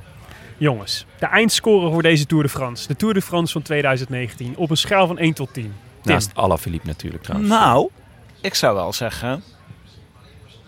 Acht. Een 8. Een 8. En eh, eh, plus plus is dat het echt een fantastisch parcours was. En eh, er werkelijk elke dag iets anders kon gebeuren. Een klein minnetje is dat ik het ook een beetje de Mongolen Tour vond. Omdat de grote favorieten niet meededen. En kom maar door met die rectificaties. Post het de rolandtuinpodcast.nl. Jonne, Eh 9,5. 9,5. Ja, ik heb eh, drie weken lang eh, op het puntje van mijn stoel gezeten. Ik baal, ik heb, ik heb wel veel kunnen zien. Maar ik heb soms ook moeten luisteren. Eh, dus dan had ik hem op mijn oortje staan. Eh, maar wat er allemaal is gebeurd, eh, fantastisch. Het enige smetje is eigenlijk die, die, die, dus dat ik het toch wel jammer vind dat die, dat, van die laatste twee Alpen-etappes. En ergens vind ik het, hoe sympathiek ik Bernal ook vind, toch gewoon wel ehm, jammer hoe, eh, dat, dat Ineos hem weer pakt. Maar ja, eh, Hoezo is het dan 9,5? We zijn- Dat vind ik wel echt hoog dan als je zegt... Er zijn omdat het de leukste tour is die ik in tijden heb gezien. En eh, eh, daarbij, we zijn nu een uur en een kwartier onderweg. En volgens mij hebben we de naam Alaphilippe nog niet eens genoemd. Terwijl die echt de tour... Hij zat in de intro, hè? Ja, oké. We hebben hem al een uur en tien minuten niet genoemd. Ehm, die heeft zo'n vette tour gereden. En eh, die heeft zoveel kleur gegeven en zoveel mensen blij gemaakt. Ik merkte, er ging wel gejuich op. Ik zat hier gisteren bij Pompet te kijken. Toen alle Philippe er doorheen zakte. Ja. Ja, dat gevoel had ik niet. Ik gunde het hem eigenlijk. eh, Maar het gejuich was Ja. niet omdat alle Philippe eraf ging, maar omdat Kruiswijk op het podium kwam. Daardoor. Dat snap ik, maar eh, mijn hart klopt misschien wel eh, net iets meer voor alle Philippe dan voor eh, Steven Kruiswijk. Woe! Ja, nee, ja, dat, dat, dat, Kleine zweetaanval. Maar soms, soms merk je dat. Nee, ik, vind, ik, vind, ik ben eh, echt fan van Kruiswijk. Oh, de manier waarop hij zijn carrière aanpakt en hoe hij alles heeft gepland. En eh, zijn, zijn, zijn arbeidsethos, en zijn trainingsethos. En hoe hij elk jaar weer een beetje beter wordt. En hij haalt nu zijn doel en ik vind het super vet. Ik ben, ook absoluut... eh, vind het fantastisch dat hij Ja, de ja maar maar zeggen, speel de beans, Jonne. Nou ja, ik vind Alain Philippe... Ja, de, ik denk de vetste renner uit peloton. Kijk naar wat hij dit, Ja. dit seizoen heeft gedaan, joh. De. Strade Bianchi, de Milaan Sanremo. ehm, die, die, die, die tijdrit die hij wint. Hij doet het eh, puur op intuïtie allemaal. Ja, het is toch... eh, ik heb echt gesmuld van die man. Ja, ik ook. En ik heb ook... ik, die gekke bekken. ik heb voortdurend tegen iedereen die het maar horen wilde gezegd dat het raar was om te veronderstellen. Zelfs toen hij er zo goed voor stond dat alle Philippe de Tour zou kunnen winnen. Want daar heb ik nooit in geloofd. Maar ik was wel op, die, op donderdag volgens mij. Ik begon wel een beetje te twijfelen. Ja, ja, ik begon... Ik dacht, oh god, het zal met, toch niet? Met elke dag die erbij kwam, Ja, begon maar- ik meer te twijfelen. En ik, ik, had het zo eh, vet gevonden als iemand gewonnen. Ja. Ja. Maar stel ook. je voor, ehm, eh, stel je voor, Alaphilippe had van tevoren geweten ehm, hoe het slotweekend eruit zou komen te zien. Hè? Dus dat de, de finish op de, ehm, eh, op die eh, ni- niet op Ja, de laatste ja, berg ja, was, maar ja. die, hè, waar die volgens mij 500 meter voor de top van de berg moest lossen. Nee, ietsjes eerder, ietsjes eerder. Ja? Oh, een nee, maar stel je, voor hij had, nog. stel je voor hij had geweten, daar is de, tot daar gaat het en niet verder. Ja. En Ja. hij had geweten dat die zaterdag-etappe ook ingekort zou worden en 35 kilometer lang. Ah, dan had hij nog een paar gekke bekken getrokken. Ja. En nog een paar keer geschud met zijn benen. En nog een paar keer gekreund. En dan had hij waarschijnlijk tijdens de koers nog zijn gele trui aan een bibberend kindje gegeven. dan had hij hem wel gewonnen. ja, maar je kan ook zeggen Maar dan van... maakt dit... Dan Ja, maar je hebt helemaal gelijk. Want je kan wel zeggen van... eh, eh, het, het is allemaal speculeren wat er gebeurd was als die bergen wel in hadden gezeten. Maar het staat toch onomstotelijk vast dat degene die aanvalt... net voordat de koers wordt geneutraliseerd... de winnaar is in ja. dit verhaal. Ja, ja, ja. En dat is Bernal geweest. Ja. En voor Alain Philippe, als ze, als ze dat tegen hem gezegd hadden... had hij gewoon nog even op zijn op zijn- op zijn kiezen gebeten. ja. Ja. Ja, zijn tanden ja, gebeten, is zijn de tour, tandvlees. de tour van Ja, de what of- if. En of- dat is, ehm, Of op zijn ringbaardje. Op zijn ringbaardje had hij gesabbeld. En Ja. dan had hij toch... nou, dat is dus, dus ik was hard op weg om, ehm, om eh, jou te volgen en in deze tour een 9,5 te geven. Het zou tijd worden dat je mij een keer volgt. Want, eh, want, ehm, ehm, want het, was, het was fantastisch. Ik heb echt bijna van elke etappe genoten. Er zat denk ik één etappe tussen waarvan ik dacht... Nee. Maar alle andere etappes, daarvan was, was, ik, was ik erg enthousiast dat was dan over. gek genoeg weer volgens mij die etappe die Groenewegen won, of niet? Nee, volgens Of die, mij die... die, eh, nou, de, of de eerste Alpen-etappe. die volgens mij die... Ja, ik weet Nee, de niet. eerste Alpen-etappe was toch een beetje een tegenvaller. Toen eh, deden de klassementsmannen niks. Terwijl Ja. ze drie keer boven de 2000 meter uitkwamen. Maar ik was dus hard op weg naar de 9,5. Maar ik moet zeggen, ondanks alle, alle eh, turmoil van het laatste slotweekend, wat ik ook al wat vond hebben. Maar ik blijf wel een beetje met een onafgemaakt gevoel daardoor zitten. En Dus er is, er is unfinished business. En dat vind ik heel leuk, want dat betekent dat, we, dat die gaat in de volgende rondes wel uitspelen. Gelukkig krijg ik net door van de toerdirectie dat we nog een week doorgaan. Ja. Eh, de- Maar ik kom dus op een. eh, ik was dus op weg naar de 9,5. Ik ga nu naar de ehm, een 9. Een Oké. 9 voor deze tour. En dus ik, het is duidelijk dat Tim de zuurste gast is. en ik stelde in de inleiding stelde ik de, stelde ik, ehm, de vraag: was dit de mooiste tour in deze eeuw? Wat is daarop jullie antwoord? Ja, misschien wel, ja. Ik wil. Eh, ja. maar dat is toch vet, jongens? Ja, hebben gewoon ja, de mooiste tour van deze eeuw beleefd. ja, zeker. Ja. Eh, We hebben echt, we hebben de afgelopen jaren alleen maar. Ik had namelijk even de. Ik de- denk wel dat het echt zo is. Want eh, inderdaad, de lineaire lijn van de Tour was toch dat de, het parcours steeds saaier werd ten opzichte van de Giro en de Vuelta. ja, En ze hebben zich echt herpakt dit jaar. Ja. Als de grootste, leukste ronde. top hè? ja. Applausje voor de tourdirectie. Weer een ontzettend lullig gezicht dit. Goed. Misschien moeten we in het vervolg gewoon golf gaan commentariëren. Dan kunnen we de hele tijd van dit soort applausjes doen. Goed, de voorspelbokaal. Die ging over de rit van afgelopen zaterdag. De ingekorte rit van 33,4 kilometer. Nou ja, hij was iets langer. Hij werd ingekort, maar we moesten nog 33,4 kilometer. Ja, maar als ik dat had geweten, had ik natuurlijk heel wat anders voor, omhoog klimmen naar voorspeld. Valtoran. En eh, Jonne, ja, ja, ja, dat was zonde. Jij had Pinot voorspeld. Het is Ja. een beetje het zure van dat wij eh, elkaar dwingen om eh, heel vroeg al eh, eh, eh, mee te doen. Dus dit, daar, daar, onder dwang, hè, dames en heren. Onder dwang. dit is jammer. Ehm, Tim, je had Geraint Thomas. Is niet meer goed. En ik had eh, Egan Bernal. En die won ook niet. Het werd Nibali. Heeft iemand het goed voorspeld? Ja, er was één iemand die het goed had. En dat was Maarten Visser. De Maarten Visser uit onze redactie. Dit meen je niet. Wat een navelstaarderij. Ja, tegen beter weten in, zei hij, nibbels. ja, nibbels. Dit was de- Hij zegt ni- niblus. Ik vond de meest ongelukkige uitkomst van deze etappe. Vond ik dat niemand Ineos ging aanvallen. En dat Nibali, de kwal uit Messina, deze etappe wint. Godsamme zeg. Waarom ben jij toch geen fan van nibbels? Hij had ook nog even op Kruiswijk zitten Ja, nou, hè, daar- vlak daar- vlak ik, ben van bent- ik ben een heel groot fan van Nibbles, maar hier eh, raakt hij hem even kwijt. Ja, hij is nog steeds boos op Kruiswijk vanwege de Giro. eh, toen eh, Kruiswijk hem op een hoopje reed, een paar jaar geleden. Ja. Nee, maar dat is mooi van Maarten Visser. Met name ook omdat de winnaar van afgelopen donderdag, Brecht Goossens, ons berichtte dat hij eh, inderdaad geen groetjesmens is. en dus zijn prijs niet opeiste. En we dus, eh ja, zei, nee, ik ben inderdaad geen groetjesmens, maar wel chapeau voor de fantastische show die jullie maken. Nou, dankjewel Brecht. En de prijzen komen sowieso jouw kant op. Maar de groetjes van vandaag zijn dus van Maarten Visser. Dag mannen, wat leuk dat ik dankzij de favoriete renner van Tim de groetjes mag doen. Ik heb het flash-interview met Nibbles na de finish niet gezien, maar ik neem aan dat hij de zege heeft opgedragen aan zijn ploeggenoot Rowan Dennis. Checken jullie dat nog even? Verder wil ik toch wel even benadrukken dat ik me een beetje zorgen maak om Jonne sinds het afstappen van Pino. Ik hoop dat jullie nog enige nazorg kunnen verlenen. Dan wil ik de groetjes doen aan de leden van de Het is Goede Tijden, Slechte Tijden appgroep. Aan Jos van Bijsterveld, Rolf Snatersen, Tijmen Moltmaker, Bastiaan Gaillard, Leon Geuyen, Geert Philipsen en Bas van Eyck, tevens gediplomeerd brandweerman te Maden. Verder nog de groetjes aan mijn vrouw Chantal en mijn zoontje Tijen, die al op driejarige leeftijd fan is van Van der Poel en Dumoulin. De indoctrinatie verloopt de soepeltjes. Als laatste de groetjes aan Willem. En Willem, blijf rijden als een Ineos-bot op Alpe de Swift. En voor je het weet zit je binnen het uur. Tot bij de Rode Lantaarn verrassingskoers. Groetjes. Alleen aan Willem. Ja. Alleen aan Willem. Ja, maar hij, hij maakt... Dat is denk ik omdat hij zich dus zorgen maakt om mij. Nou, voor jou zei hij tenminste nog wat. Maar niks voor mij. Jawel, over jouw favoriete renner. Ja, dat Oh hij daarmee had Oh ja, gewonnen. ja, ja, ja. Dus uiteindelijk Superleuk, krijgen we allemaal...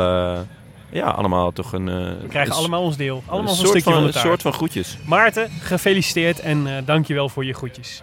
Ehm, over de Scorito Pool, ja, daar kunnen we nog niks over zeggen. Want de laatste ronde is, of de laatste, de, de renners zijn nog aan het rijden in Parijs. En daar vallen nog veel punten te verdelen op de meet. Dus laten we afspreken dat we daar eh, later op terugkomen. Ja. Akkoord? Akkoord. Ehm, want eh, het gesigneerde wielershirt van Alejandro Valverde ligt natuurlijk op iemand te wachten. Het is wel heel spannend eh, in de Scorito Ja, Pool. het Dat blijft moet op het laatste worden. moment spannend. Eh, Niet zozeer oh, as we speak, de nummer ons. 1 en 2... Nee, nummer 1 en 2 schelen slechts drie punten. Nou, er kan van alles nog gebeuren. Ja, want de eindscore komt er nog aan. En dan sla ik Daar ga jij schitteren. Ja, Maar, maar dit betekent dus het einde van de Tour 2019. Even eh, nu uit de losse pols. Winnaar van de Tour 2020. Tom Dumoulin. Tom Dumoulin. Steven Kruiswijk. Ja, Oh nee, sorry. Bauke Mollema. Wat zeg ik? een tijdperk. Dit was het. De Tour de France 2019 van de Rode Lantaarn. Gepresenteerd door uw favoriete parkzitters. Willem Dudok, Jonnes Riese en mijzelf Tim de Gier. Met dank aan Wielercafé Het Verzetje. Die er tijdens deze hele Tour weer, eh, weer voor ons was. En eh, Café Pompet in de Noorderpark in Amsterdam. En met name Thomas Spronk die het allemaal organiseerde. Natuurlijk dank aan onze sponsors Scorito en Canyon. De Rode Lantaarn wordt bovendien mogelijk gemaakt door Dag en Nacht Media en hetiskoers.nl, de wielerblog van Nederland en Vlaanderen. Wij danken hen voor de steun op vele fronten en in het bijzonder Maarten Visser, Leon Geuyen, Bastiaan Gaillard en notaris Bas van Eyck. Tevens gediplomeerd brandweerman te Maden. Zijn er nog updates uit Maden, Willem? Zeker. Een eh, update eh, uit, ehm, nou ja, uit, uit Drimmelen, gemeente Maden. Nee, het is eigenlijk gemeente Drimmelen. Maden ligt in de gemeente Drimmelen en Drimmelen ligt ook in de gemeente Drimmelen. Maar Drimmelen is eigenlijk kleiner dan Maden, dus dit zit mij dwars. Thanks Willem. Dat, Hiervoor. maar er is een beetje te lijken op de groetjes vanuit de vorige ja, show. sorry. Ja. Ik wil... In Drimmelen heb je een visclub. nee. Eh, we, hebben het, eh, we, we, we spreken ehm, eh, 24 juli 2019 om 17 uur 2 werd het brandweerteam Maden verzocht om te rijden naar de Herengracht in Drimmelen voor een dienstverlening. Het zou gaan om een binnen- buitensluiting. De Herengracht in Drimmelen? Die is prachtig. Die is echt prachtig. Het is een hele mooie, hele mooie, het is een hele mooie Oh, gracht. Aan de Biesbos ligt Drimmelen. Oké, schitterend. Op de eerste etage van de woning lag een mevrouw die niet op eigen kracht naar beneden kon. Voor mevrouw was al hulp gearriveerd. Zij konden alleen niet naar binnen. Op de eerste verdieping stond een raam open. Wij zijn via dit raam naar binnen gegaan om vervolgens de deur van binnenuit te kunnen openen. We hebben mevrouw overeind geholpen en in de stoellift gezet. En na een verfrissend drankje, want de buitentemperatuur was 37 graden Celsius, zijn we teruggekeerd naar de kazerne. Ik wilde jullie heel graag een positief einde geven van deze reeks. Want dit is de laatste brandweerupdate die we gaan, eh, die we gaan doen. Hierna gaat deze rubriek met pensioen. Ja. Waarom? Nou, ik, je- ik ben wel weer toe aan een andere brandweer dan die van Maden. Jammer. Oh, dus Ik we hebben vacature. Maar Ik- ik, ja, wilde, ik, ik wilde denk dat heel veel eindigen. mensen hier Namelijk hebben we heel, eh, Voorheen hebben we het de hele tijd, hadden we het de hele tijd over eh, onverrichte zaken terug naar de kazerne. Den Hout was ons voor, eh, br- brand was al uit. Maar zowaar, er is ingegrepen. Er is gehandeld door de Ja. brandweer Maden. En, Ja. en hoe? En hoe? En hoe? Maar eh, deze mevrouw kon niet meer lopen. Was ze al Lazarus of was het gewoon... Het zou kunnen. Dat weten we niet. Want dan vind ik dat verfrissende drankje ook wel weer dubieus. Jonne, zoals de legendarische Lekker hoofdredacteur Rinus Ferdinandes ooit zei... een goed verhaal moet je niet doodchecken.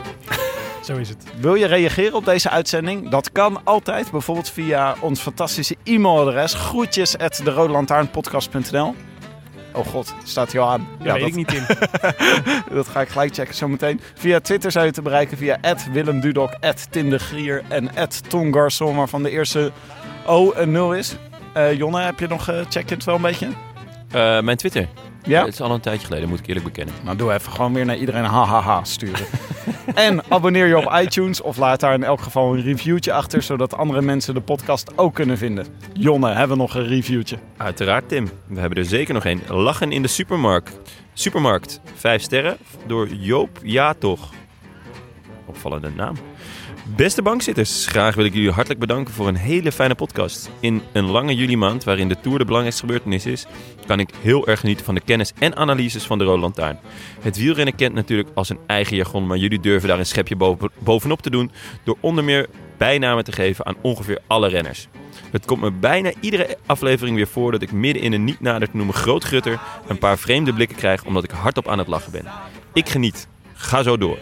Uitroepteken. Ja. ja toch Joop, lekker. Ja toch Joop, ja toch. Jongens, dat was het. De Tour de France 2019. De mooiste Tour de France in deze eeuw. Wij zijn er bij de Vuelta weer. Die begint op 24 augustus aan de Costa Blanca met een ploegentijdrit.